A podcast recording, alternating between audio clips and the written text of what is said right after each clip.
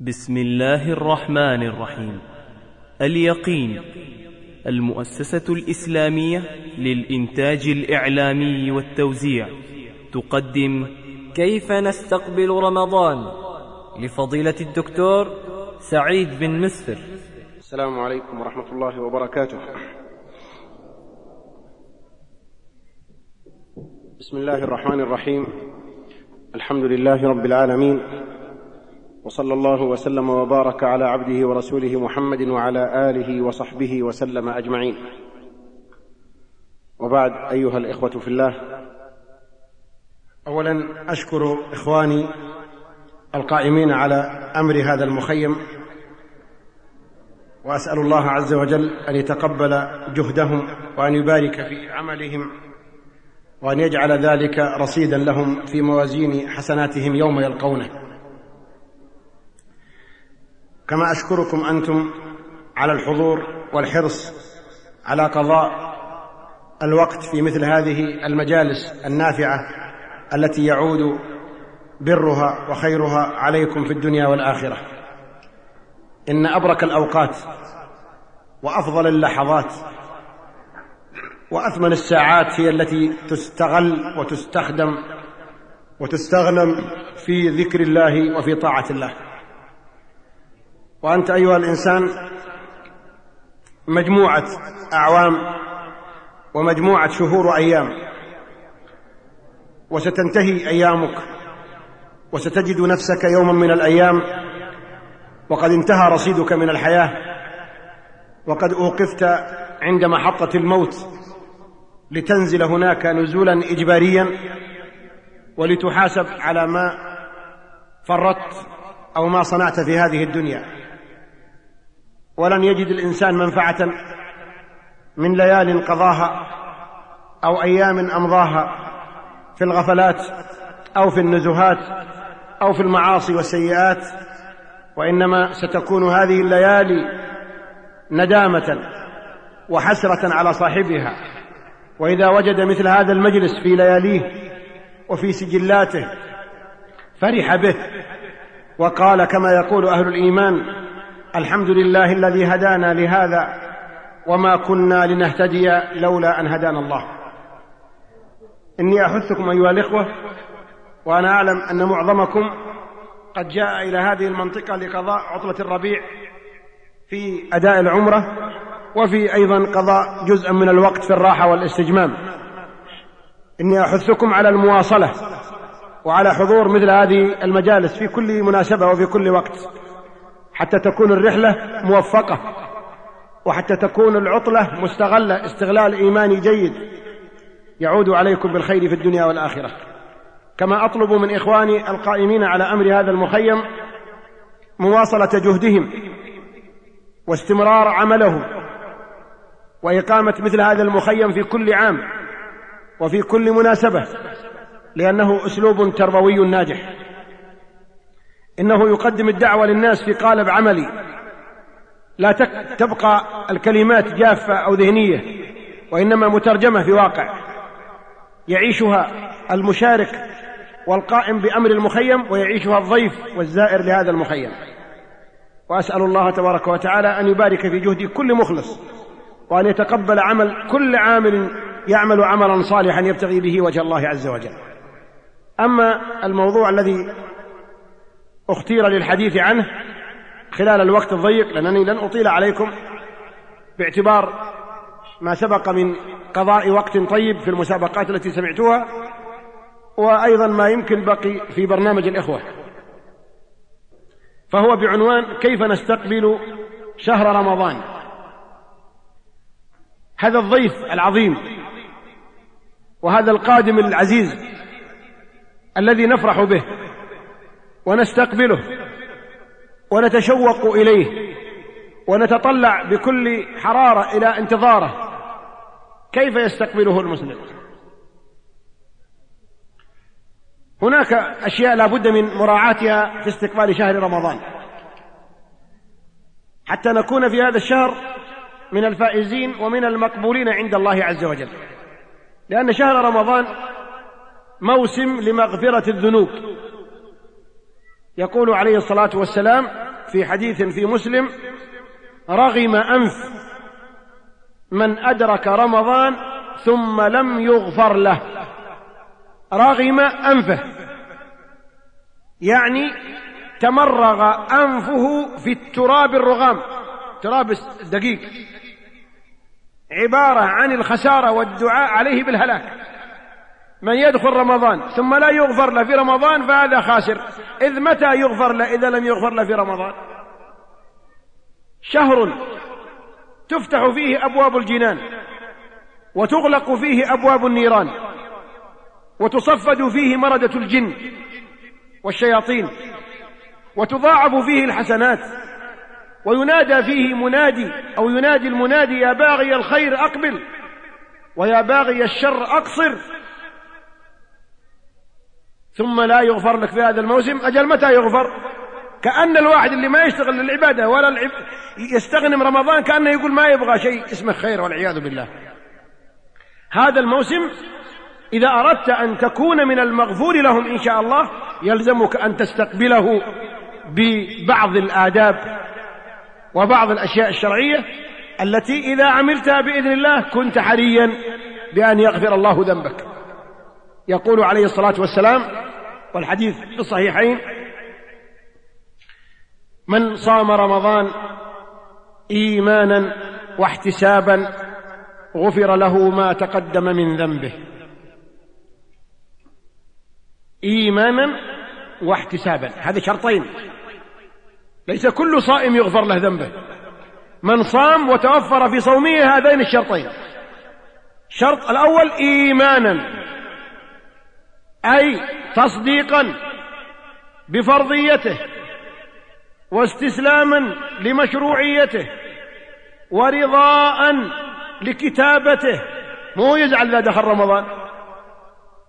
بعض الناس إذا دخل رمضان كأنك لطمت خشمه. إيش بيك قال والله يخرب البرنامج حقنا. أعوذ بالله. لا المؤمن يفرح برمضان وينشرح صدره لرمضان. ليه؟ لأنه آمن بفرضيته وأحس بمشروعيته ورضي بتقديره إيمانا. والثاني واحتسابا أي طلبا للثواب من الله عز وجل نظير ما يقدمه من عمل صالح. فهو يصوم ويحتسب الثواب ولهذا لا يحس بألم في الصوم لأنه يحتسب. يجوع ولا يحس بألم الجوع لأنه يعرف أنه يجوع لمن؟ يجوع لله. يظمأ ولا يحس ولا بل يتلذذ بالظمأ لأنه يشعر بأنه يظمأ من أجل الله وأن الله يدخر له ثواب احتساب. يقوم الليل ويصلي التراويح ولا يشعر بتعب بل نشيط. وهو يقوم يمارس العبادة بنشاط بتشوق بتشوف. بتطلع برغبة بحب. ليه؟ لأنه يحتسبها. يشعر بأنها تؤهله لنيل ثواب عند الله. ولذا ما وده يعني يسكت الإمام. ولا وده يركع الإمام من, من, من القراءة. وإذا ركع يريد أن يطيل في الصلاة. وأسوأ ساعة عنده إذا قال خرجوا من الصلاة. يود أن تستمر الصلاة. ليه؟ احتسابا. فمن صام رمضان إيمانا واحتسابا غفر له ما تقدم من ذنبه. طيب ما هي الآداب التي تراعى ويستقبل بها شهر رمضان؟ من المؤسف أيها الإخوة أن شهر رمضان حينما فقد فقد فاعليته في التأثير في قلوب الناس ولم يعد الناس يفهمون من رمضان المفاهيم الشرعية أصبحنا نرى الناس يستقبلونه استقبالا يتعارض مع مفهوم الصوم. وليس وليد الإسلام هذا الاستقبال. الأمة اليوم إلا من رحم الله. تستقبل رمضان بماذا؟ بالأطعمة. وترون الناس الآن رمضان كريم. حتى الرواتب يصرفونها مقدم. في يوم عشرين. ليه؟ قال رمضان. وتجد الأسواق والمراكز البيع والحلقات حلقة الأغنام وحلقة الخضار كأن الناس كانوا صائمين في رجب وشعبان ودخل عليهم رمضان شهر الأكل. هذا شهر رمضان شهر الأكل ولا شهر الصوم؟ شهر الصوم. يعني إذا كنتوا تأكلون في رجب وشعبان كثير جاء شهر الصوم يعني بطلوا أكل بدال ثلاث وجبات تصير وجبتين. بدل ما تأكل في الليل والنهار تأكل في الليل بس والنهار صايم. لكن انعكس المفهوم عند كثير من المسلمين فحتى يتخلصون من تلك الساعات التي صاموها في نهار رمضان يقولون ما عليه. نصوم نهار لكن والله نقعد ناكل طول الليل. هذا ليش كأنك سويت؟ بل يضيع النهار مع الليل. النهار أوله مقاضي وآخره طهي وطبخ. من المرأة والرجال والخادم والولد كلهم يشتغل. ومن المغرب إلى السحور أكل. في النهار للمقاضي والطبخ والليل للأكل. وضاع رمضان. حتى إن بعض النساء هداهن الله يدخل شهر رمضان ويخرج ما انتهت من قراءة القرآن مرة واحدة. لأنها مشغولة مسكينة. من بعد الظهر وهي في استنفار وفي حالة طوارئ شمرت عن ساعدها وقومت أولادها وبدأت تعصر وتقطع وتطبخ وتنفخ وتشوي وتقلي ويلا تشوف حركة دائمة تشوف المطبخ تقول فيه عفاريت من كثرة من كثرة الشغل. وتستنفر حتى كافة القوى البيتية. حتى الزوج تقول لا تروح انت تعال ترى عندنا شغلة لك تعال. قلب السمبوسة. أنت وقف بس على هذا قلب. وهذا قال وأنت يلا اعصر. وأنت اشو؟ وأنت وأنت. سبحان الله. ليش الهيصة هذه كلها؟ ليش الشغلة؟ علشان إيش؟ علشان هذا البطن. هو كيس هو البطن. ولا معه بسيط كذا. هي لما تشوف المعدة يعني شغلة بسيطة. يكفيها إذا أفطرت في رمضان على تمرات وعلى فنجان أو كوب ماء من زمزم ما الذي يحصل عندك بعد هذا؟ أما تشبع؟ والله نشبع. ونحس بأننا شبعنا وامتلأنا.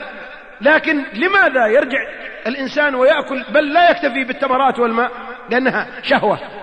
شهوة الأكل ما عندها أكل للحاجة. أكل للتلذذ والتمتع.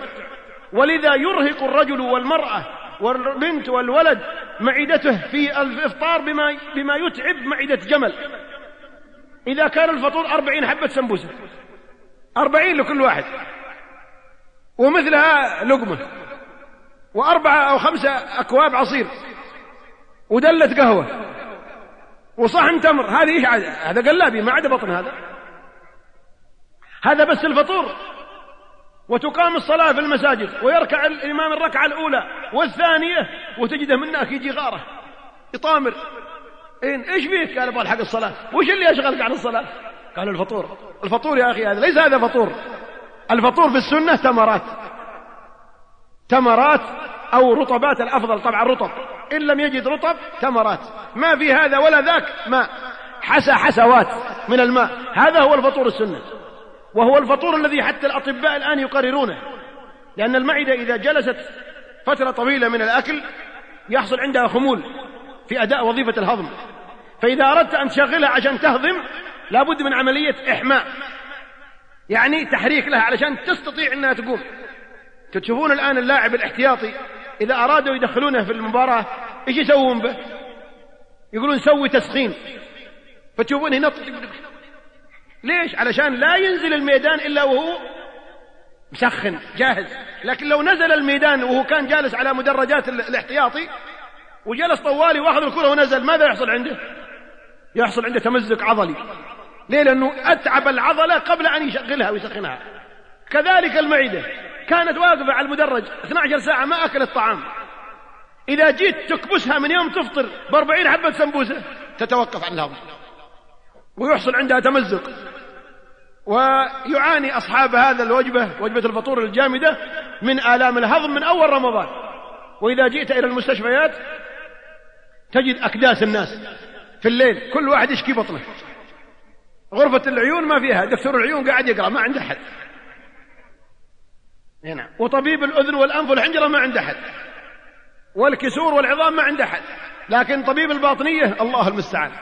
ولهذا يجندون أكبر عدد ممكن من الأطباء في رمضان.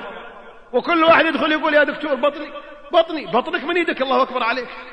وقف يدك يسلم بطنك. وبعضهم يتناول كل هذه الأطعمة ثم يذهب إلى السوق أو الصيدليات. يقول أبغى شيء يهضم الطعام. ليش يهضمه؟ قال والله مليان. طيب من اللي قال تملى بطنك؟ خليه في الثلاجة وخليه في السفرة. تدحس ثم تقول هضم. هذه مصيبة عليك يا أخي. أجل شهر رمضان أيها الإخوة. هو شهر صيام ولا شهر أكل؟ شهر صيام. لكن ما الذي يفعله, يفعله الناس اليوم؟ اعتبروه شهر أكل. وتأتي في بداية رمضان أو قبله بأسبوع يقومن النساء بإعداد البيانات الطويلة العريضة. كشف المرأة المقاضي. وهات. كرتون تطلي وكرتون شعيرية. وكرتون شوربة. ليه كرتون؟ ليش طيب؟ ما نجيب علبة. وإذا غلقت العلبة السوق مليان. قالت لا خلينا نأخذ المقاضي من أولها عشان نطمئن نركض. ورمضان كريم. رمضان كريم علشان تملأ بطنك؟ لا. رمضان كريم علشان تصير أنت كريم. وتتفقد الفقراء والمساكين اللي يصومون طول السنة. فإذا اشتريت لك فطور تشتري لهم فطور من فطورك. وإذا أخذت لحم تشتري لهم لحم. وإذا أخذت فاكهة تعطيهم فاكهة. أما أن تستحوذ على كافة دخلك وتحطه في بطنك وبطن زوجتك وأولادك ولا يخرج من بيتك حبة تمر أو قطعة فاكهة أو قطعة لحم أو ريال واحد للفقراء والمساكين وتسمي نفسك في رمضان كريم. رمضان كريم لكن البعيد ليس بكريم. إنه لئيم. لقد كان رسول الله صلى الله عليه وسلم أجود من الريح المرسلة وكان أجود ما يكون في رمضان. هو جواد صلى الله عليه وسلم عليه. كريم. يعطي عطاء من لا يخشى الفقر. جاءه رجل وإنه يشوف غنم بين جبلين قال هذه كلها لك. جاء رجل فسأل بلال قال عندك شيء؟ قال ما عندي شيء. لما خرج الرجل قال بلال يا رسول الله عندي قليل من التمر ادخرته لك. يقول خليته ما أحد يأكل إلا أنت. قال لا يا بلال أنفق ولا تخشى من ذي العرش إقلالا هذا نبي صلوات الله وسلامه عليه. فيجب أن. أن يعني نأخذ من. من سنته وأن نقتدي به وأن نكون كرماء لكن لا على بطوننا وشهواتنا ونسائنا وأولادنا بل على الفقراء والمساكين ولا مانع من التوسيع على الأهل. فإن التوسيع على الأهل في النفقة في رمضان مطلوب لكن في حدود الاعتدال. أما في حدود المبالغة والإسراف وتعدد الأطعمة ويعني فرش الموائد لدرجة أنها تبلغ عشرات الأصناف ثم يؤكل منها من كل شيء قليل ثم تجمع هذه الخيرات والنعم وتكب في صناديق النفايات وإخواننا الفقراء لا يجدونها. هذا تبذير وإسراف وما أنزل الله به من سلطان. فلا يستقبل شهر رمضان بهذا الأسلوب. وعلينا أن نعيد النظر في تعاملنا مع هذا المسألة وأن يجري توعية للنساء. ويأتي كل رجل إلى امرأته ويقول يا مرأة لست بخيلا. هذا المبلغ سأنفقه في رمضان وهو بيدك. لكن دعينا نمر الآن نشتري مقاضي ونقسمها على الفقراء والمساكين والباقي شيء بسيط. أنا لن آكل في رمضان في الفطور إلا تمرات. لو تجيبين الدنيا كلها والله ما أذوقها. خلاص تعطيها درس. إذا حضرت شيء وأنت ما أكلته معناته كسحتها.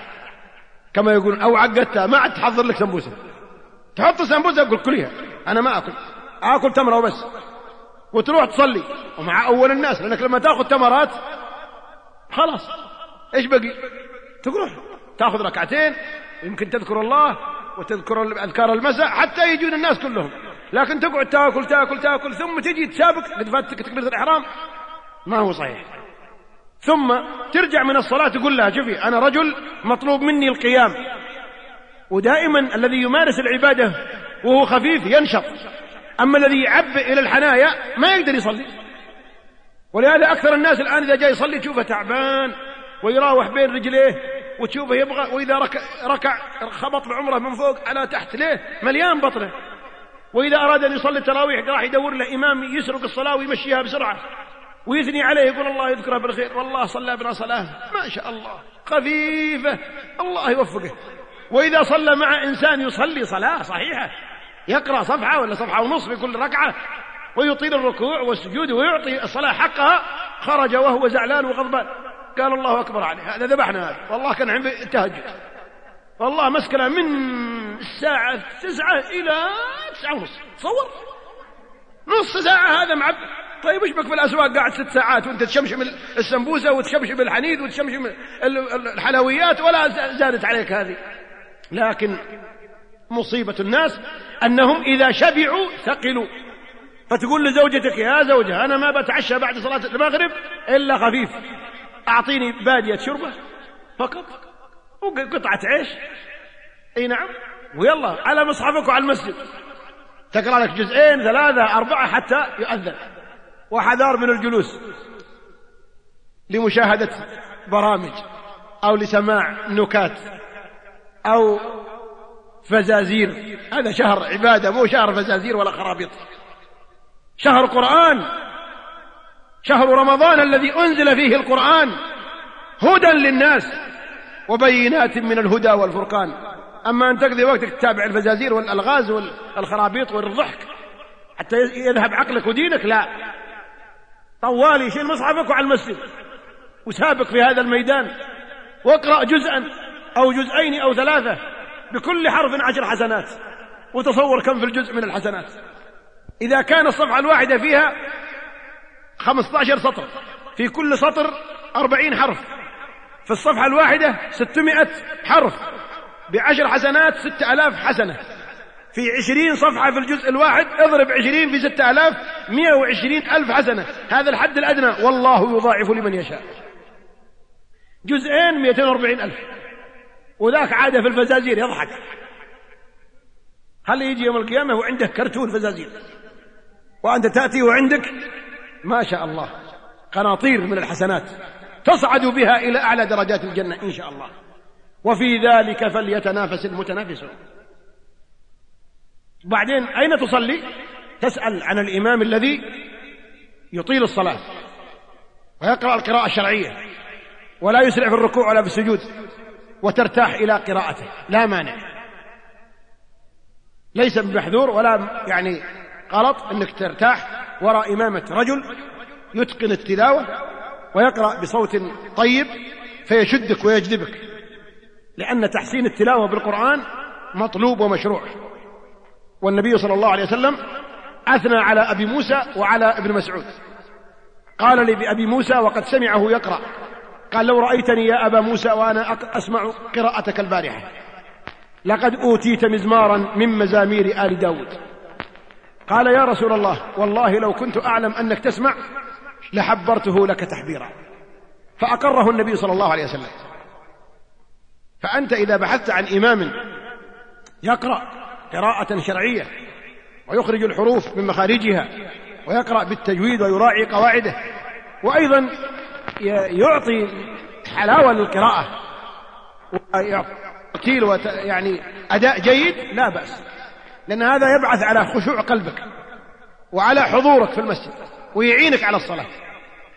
وفي مثل ظروفكم أنتم أهل جدة ما أقربكم من مكة. وما أحسن أن يجتمع مجموعة من الشباب في كل حي ويقررون في كل يوم. مثلا إذا في خمسة أنفار يقول نحن خمسة أنفار. كل يوم على واحد بسيارته. نفطر ونصلي المغرب والعشاء في مكة.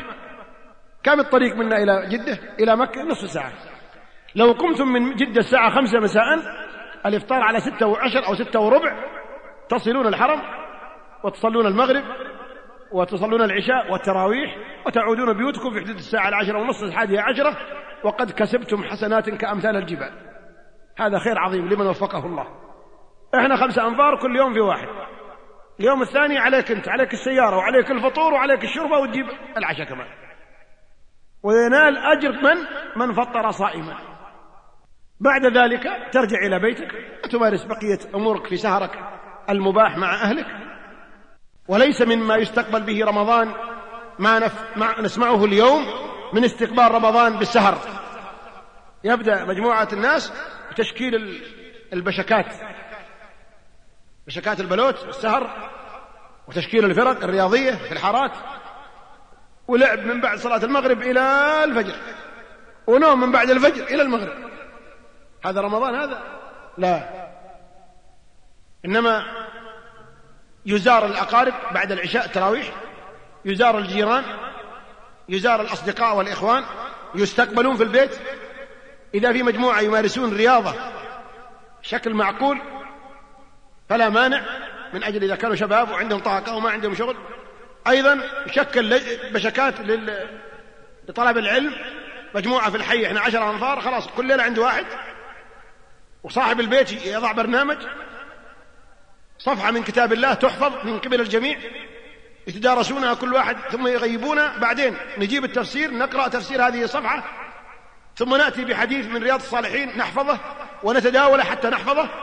ثم نأتي بشرحه من دليل الفالحين أو من أي كتب السنة ثم نأتي بدرس من السيرة ومسألة فقهية ثم نتناول قليل من الفاكهة ومشروب وكل يروح بيته في حدود الساعة الثانية عشرة.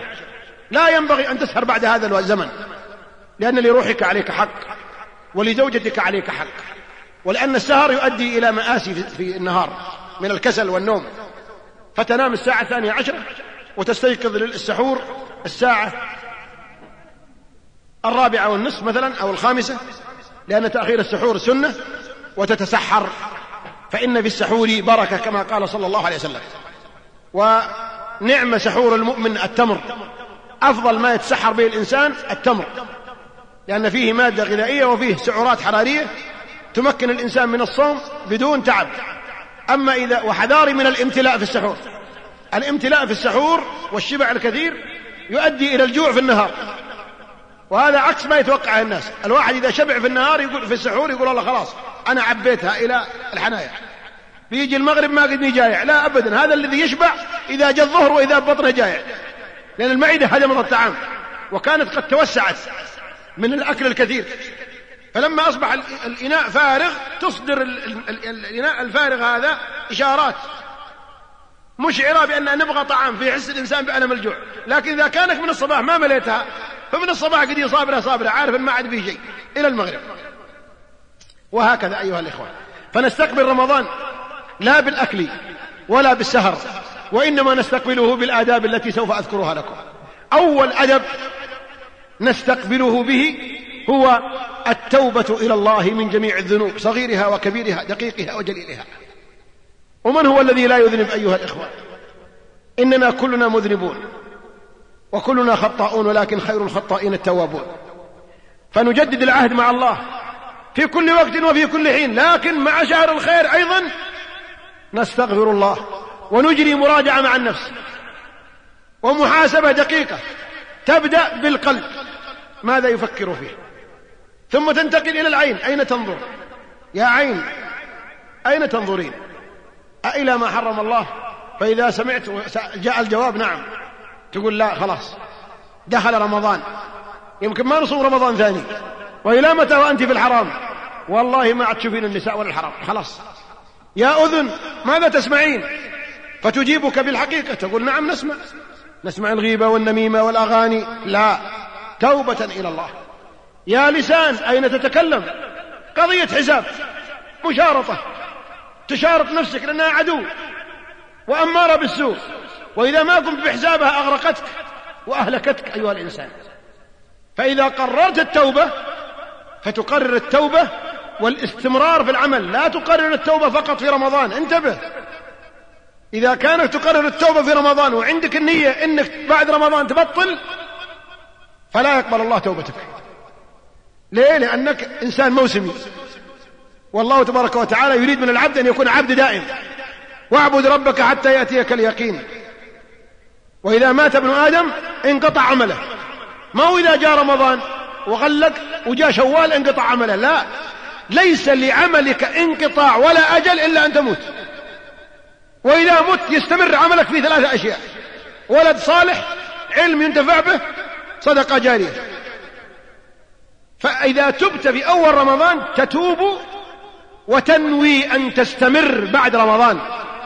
تقول خلاص قد عصينا كثيرا وغفلنا كثيرا. والحمد لله الذي لم يميتنا ونحن غافلين. والحمد لله الذي ما أماتنا ونحن عاصين.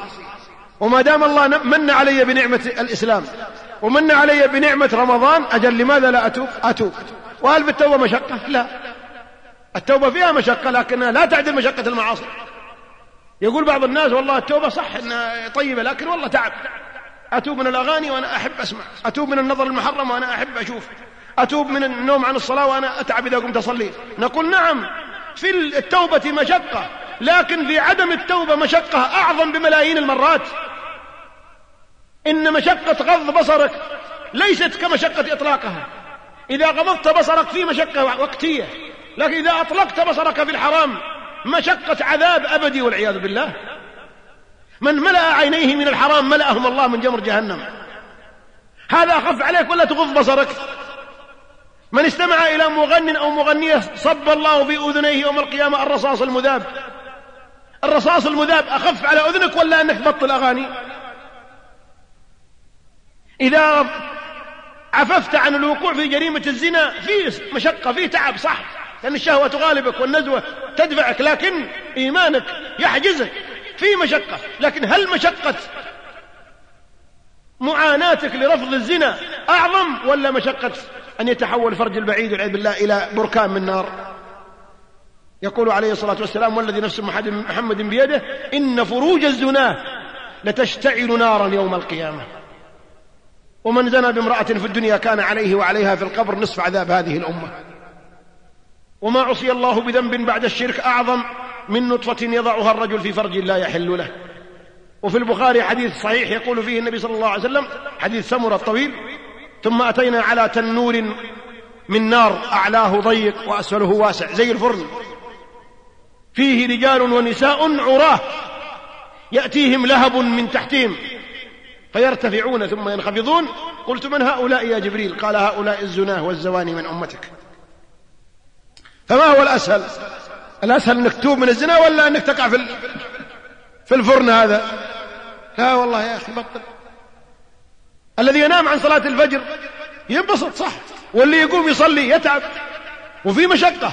لكن هل مشقة القيام للصلاة أعظم أم مشقة أن يرضخ رأسه بالصخر في النار؟ والحديث صحيح في البخاري أيضا. قال ثم أتينا على رجل نائم مستلق على قفاه وآخر على رأسه بصخرة يرضخه ثم تدهر بالحجر فيذهب ذاك ليجيبها فلا يأتي بها إلا وقد عاد رأسه فيرضخه. قلت من هذا يا جبريل؟ قال هذا الذي يتثاقل رأسه عن الصلاة المكتوبة. هذا رأس مريض خربان يبغى له سمكرة والسمكرة بالحجر هذا المطرقة حقته والعياذ بالله. أجل إيش الأسهل لك يا أخي؟ الأسهل أنك تصلي ولا يرضخ رأسك بالحجر؟ لا والله تصلي سهلة يا أخي. أجل تتوب إلى الله. لأنه إن لم تتب ما في إلا خيارين إما توبة ولا عذاب. إيش الخيار الأحسن لك؟ التوبة. ما لك خيار في هذا؟ لأنك إن لم تتوب ما في إلا العذاب. فأولا التوبة إلى الله. بشروطها الشرعية. الأربعة.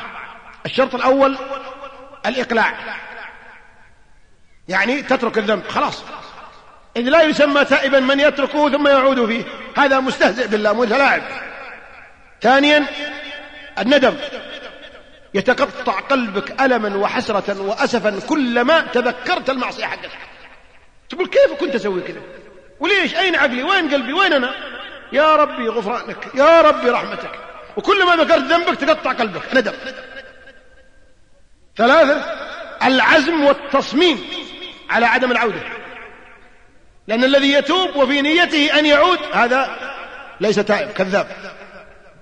لكن عندك يقين وتصميم أنك ما تعود ولو قطعت قطعة قطعة.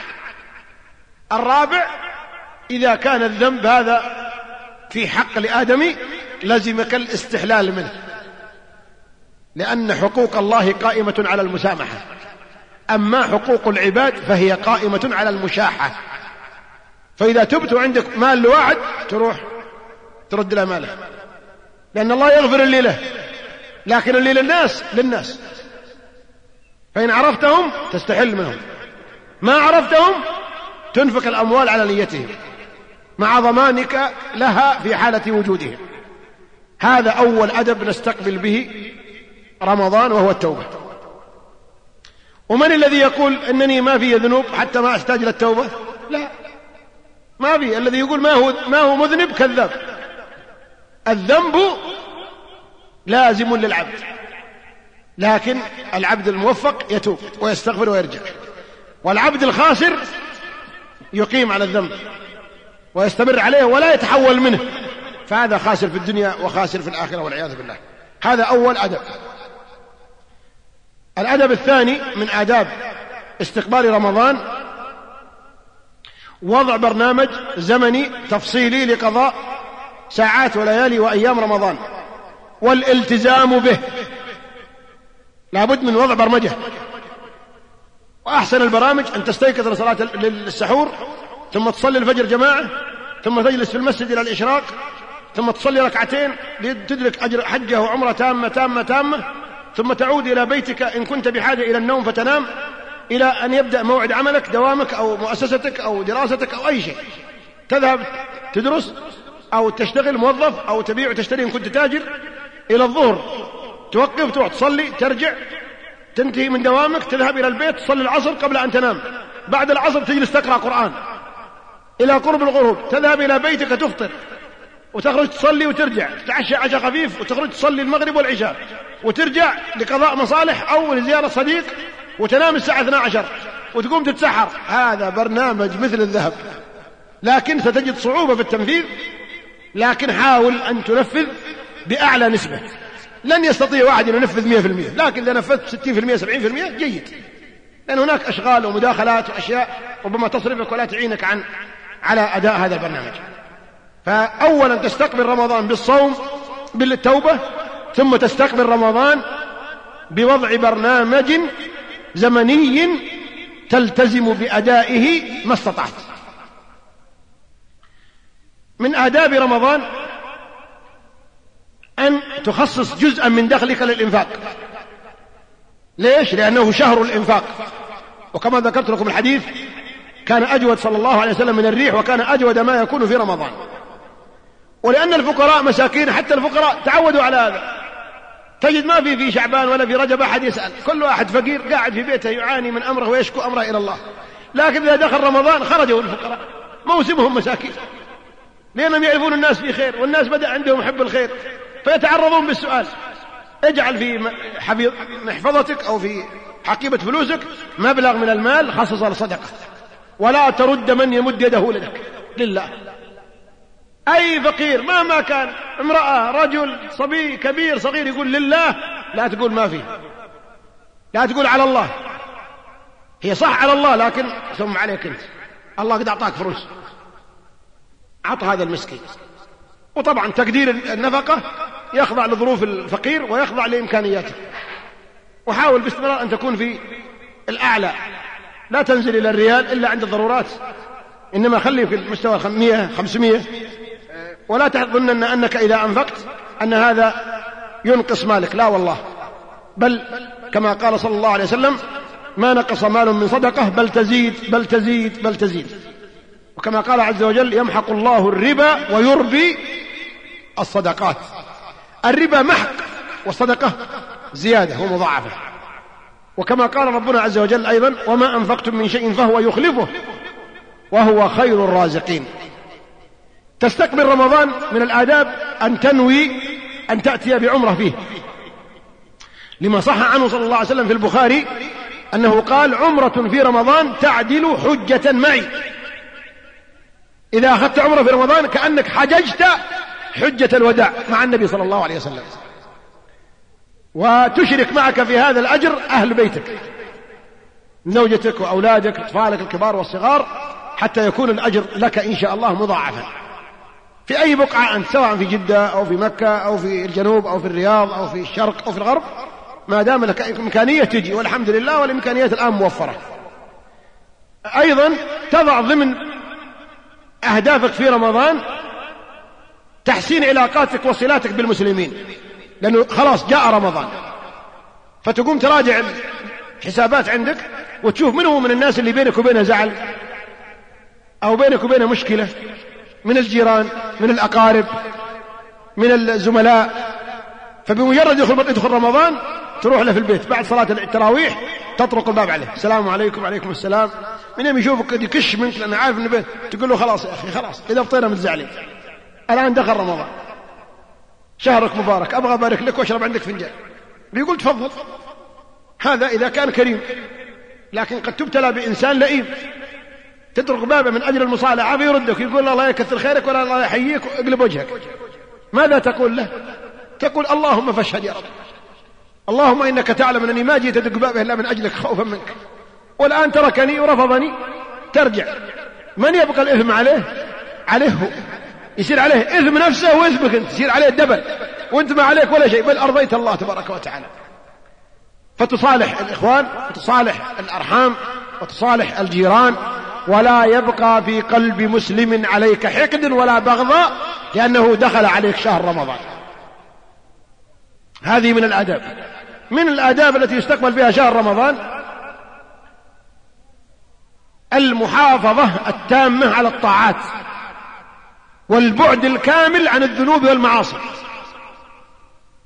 إذا هذا مطلوب. يعني إذا كنت تقصر أو تتهاون في الصلاة في المسجد في شعبان وفي رجب دخل رمضان خلاص. بدأ ابدأ حياة جديدة. وأعلن العلاقة القائمة بينك وبين الله عن طريق الصلاة في المساجد. إذا كنت تتساهل قبل رمضان في بعض المعاصي خلاص دخل رمضان خلاص انتهى. لأنك صائم. أنت عبد صالح عبد رباني. وفقك الله للهداية والتوبة والرجعة إليه فاستقم على أمر الله عز وجل. من الآداب في شهر رمضان التي تستقبل بها تعهد الأرحام والوالدين.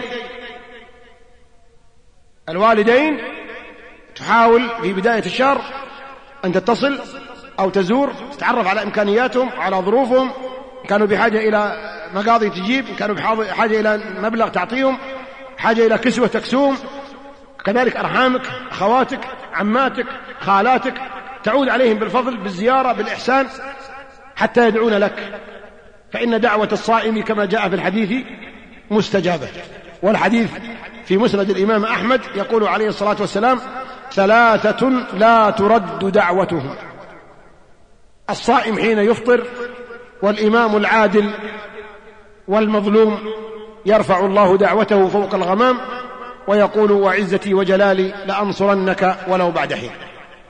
هذه أيها الإخوة هي بعض الآداب التي ينبغي أن نراعيها ونستقبل بها شهر رمضان.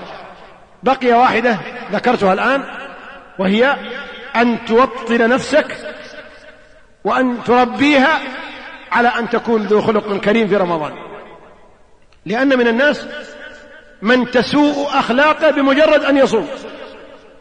ما أن يدخل رمضان حتى يعكنن ويزعل ومرة تشوفه زعلان إيش بيك؟ قالوا والله رمضان كريم صايم. ولهذا لا تضارب واحد في رمضان. ولا تجد المضاربات والمشاكسات إلا في السوق وفي الشوارع في رمضان. ليه؟ قالوا والله صيام رجال صايم وذاك زعله لا. إذا كنت صائما وأحد زعلك إيش تقول؟ إني صائم. يعني أنا فوقنا ما أنزل إلى مستواك في المهاترات. يستثيرك ويغضبك. لكنك صائم فإذا سبك لا تسبه. وإذا شتمك لا تشتمه. ولهذا جاء في الحديث قال فإن سابه أحد أو شاتمه فليقل إني صائم. وبهذا الخلق نعرف قدر الصيام. ونستقبل هذا الشهر الكريم الذي نسأل الله عز وجل أن يبلغنا وإياكم إياه. اللهم بلغنا رمضان. اللهم بلغنا رمضان. اللهم بلغنا رمضان. ووفقنا فيه لما تحبه وترضاه. وتقبل منا صيامنا وقيامنا وصالح أعمالنا. وتجاوز فيه عن تقصيرنا وعن سيئاتنا وذنوبنا. وأقر عيوننا بنصرة دينك وإعلاء كلمتك وهيمنة الحق في جميع ديار المسلمين. كما نسألك يا الله أن تنصر إخواننا المجاهدين في الأفغان وفي فلسطين وفي الشيشان وفي البوسنة والهرسك وفي كشمير وفي جميع ديار المسلمين إنك على ذلك قدير وبالإجابة جدير والله أعلم.